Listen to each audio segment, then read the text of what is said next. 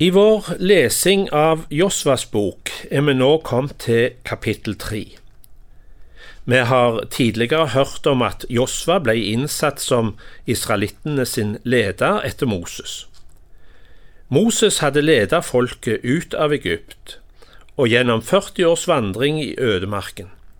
Men på grunn av ulydighet fikk ikke han være med inn i det lova land.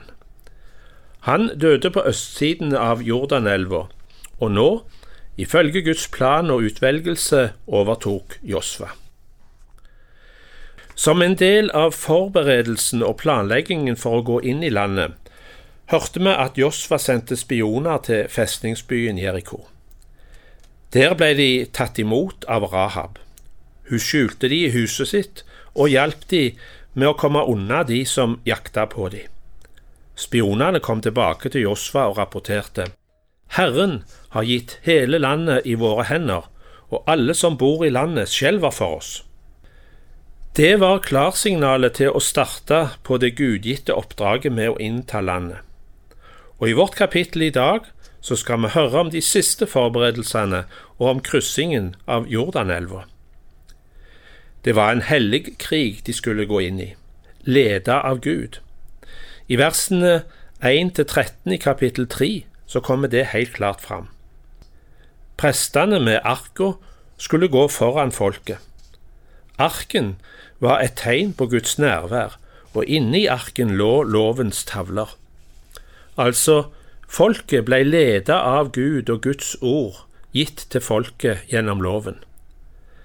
Et annet tegn på at dette ikke var en menneskelig kamp, ser vi av det at folket får beskjed om å rense seg og hellige seg. De skulle inn i det hellige land.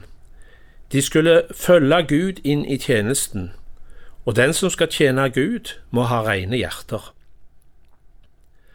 Vi leser Josfas bok, kapittel 3, vers 1-13, og setter overskriften Forberedelse til hellig krig.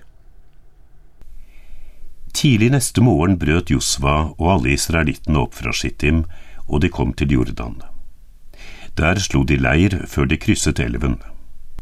Etter tre dager gikk tilsynsmennene gjennom leiren og befalte folket når dere ser at levittprestene løfter opp Herren deres Guds paktkiste, skal dere bryte opp og følge etter den.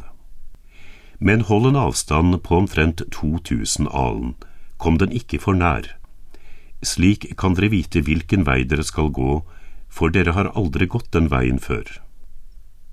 Josva sa til folket, Gjør dere rene og hellige, for i morgen vil Herren gjøre under blant dere. Og til prestene sa han, Løft opp paktkisten og gå over elven foran folket. Da løftet de paktkisten opp og gikk foran folket. Herren sa til Josva, fra i dag vil jeg gjøre deg stor i hele Israels øyne, så de forstår at jeg er med deg, slik jeg var med Moses. Du skal befale prestene som bærer paktkisten å stanse ved vannkanten når de kommer til Jordan. Josva sa til israelittene, Kom hit og hør ordene fra Herren deres Gud.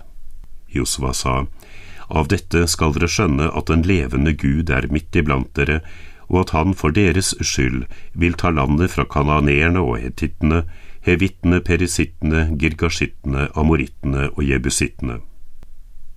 Paktkisten som tilhører hele jordens herre, skal gå foran dere over Jordan. Velg nå ut tolv menn av Israels stammer, én fra hver stamme. Når prestene som bærer kisten for Herren, hele jordens herre, setter føttene ned i Jordans vann, da skal vannet i Jordan renne bort, og det som strømmer til ovenfra, skal stå som en vold. Forberedelsene til krigen var ikke våpentrening og eksersis, men eh, bønn om syndstilgivelse og renselse hos Gud, og et fokus på det at det er Gud som leder an. Arken blei båret fram føre folket. Så kommer historien om hvordan folket kryssa Jordanelva. Det starter med kapittel 3 vers 14 og strekker seg til slutten av kapittel 4. Vi skal nå lese om sjølve overgangen. Her skjer det et vannunder som ligner på det underet folket opplevde 40 år tidligere, da de gikk gjennom Rødehavet. Vannføringen i elva stoppa opp, og de gikk tørrskodde over. Husk, sier Gud med dette, jeg går med. Han er den samme, han som var, og som er, og som kommer. Mange har lurt på hva som egentlig skjedde denne dagen. Hvordan stoppa vannet opp? Kanskje brukte Gud naturkreftene? Det er to andre bekrefta hendelser som ligner på det israelsfolket opplevde. I år 1266 skriver en arabisk historiker at på grunn av et jordskred ved byen Adam ble Jordanelva demma opp og vannet stoppa i ti timer før det igjen brøt gjennom. Og i 1927 var det et jordskjelv som førte til at elvebredden raste ut i samme område, og elva ble oppdemma i nesten ett døgn. I alle fall, Gud brøyt inn og sørga for en trygg overgang. En trygg overgang og en trygg inngang til det lova land.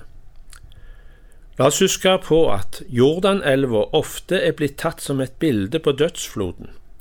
Overgangen fra livet i denne verden til det evige liv i det lovede land. Gud er sterkere enn dødens krefter. Han sørger for å få oss trygt over. Vi leser nå Josvas bok, kapittel 3, vers 14-17. Folket brøt opp fra teltene sine for å gå over Jordan, og prestene som bar paktkisten, gikk foran folket. Jordan flommer over sine bredder i hele innhøstningstiden. Men da prestene som bar kisten kom fram til Jordan og føttene deres brøt vannflaten, stanset vannet som strømmet til ovenfra og reiste seg som en vold langt oppe ved Adam, den byen som ligger i nærheten av Sartan, mens det vannet som rant ned i Arabasjøen, som kalles Saltsjøen, ble helt borte. Folket krysset elven rett imot Jeriko. Prestene som bar Herrens paktkiste, ble stående trygt på den tørre bunnen midt i Jordan, mens alle israelittene gikk tørrskodd over, helt til alt folket var kommet over Jordan. Israels tolv stammer kom trygt over elva og står nå inne i det lova land. Dette hadde de venta på i mange år. Vi fortsetter å lese fra Josvas bok i neste program.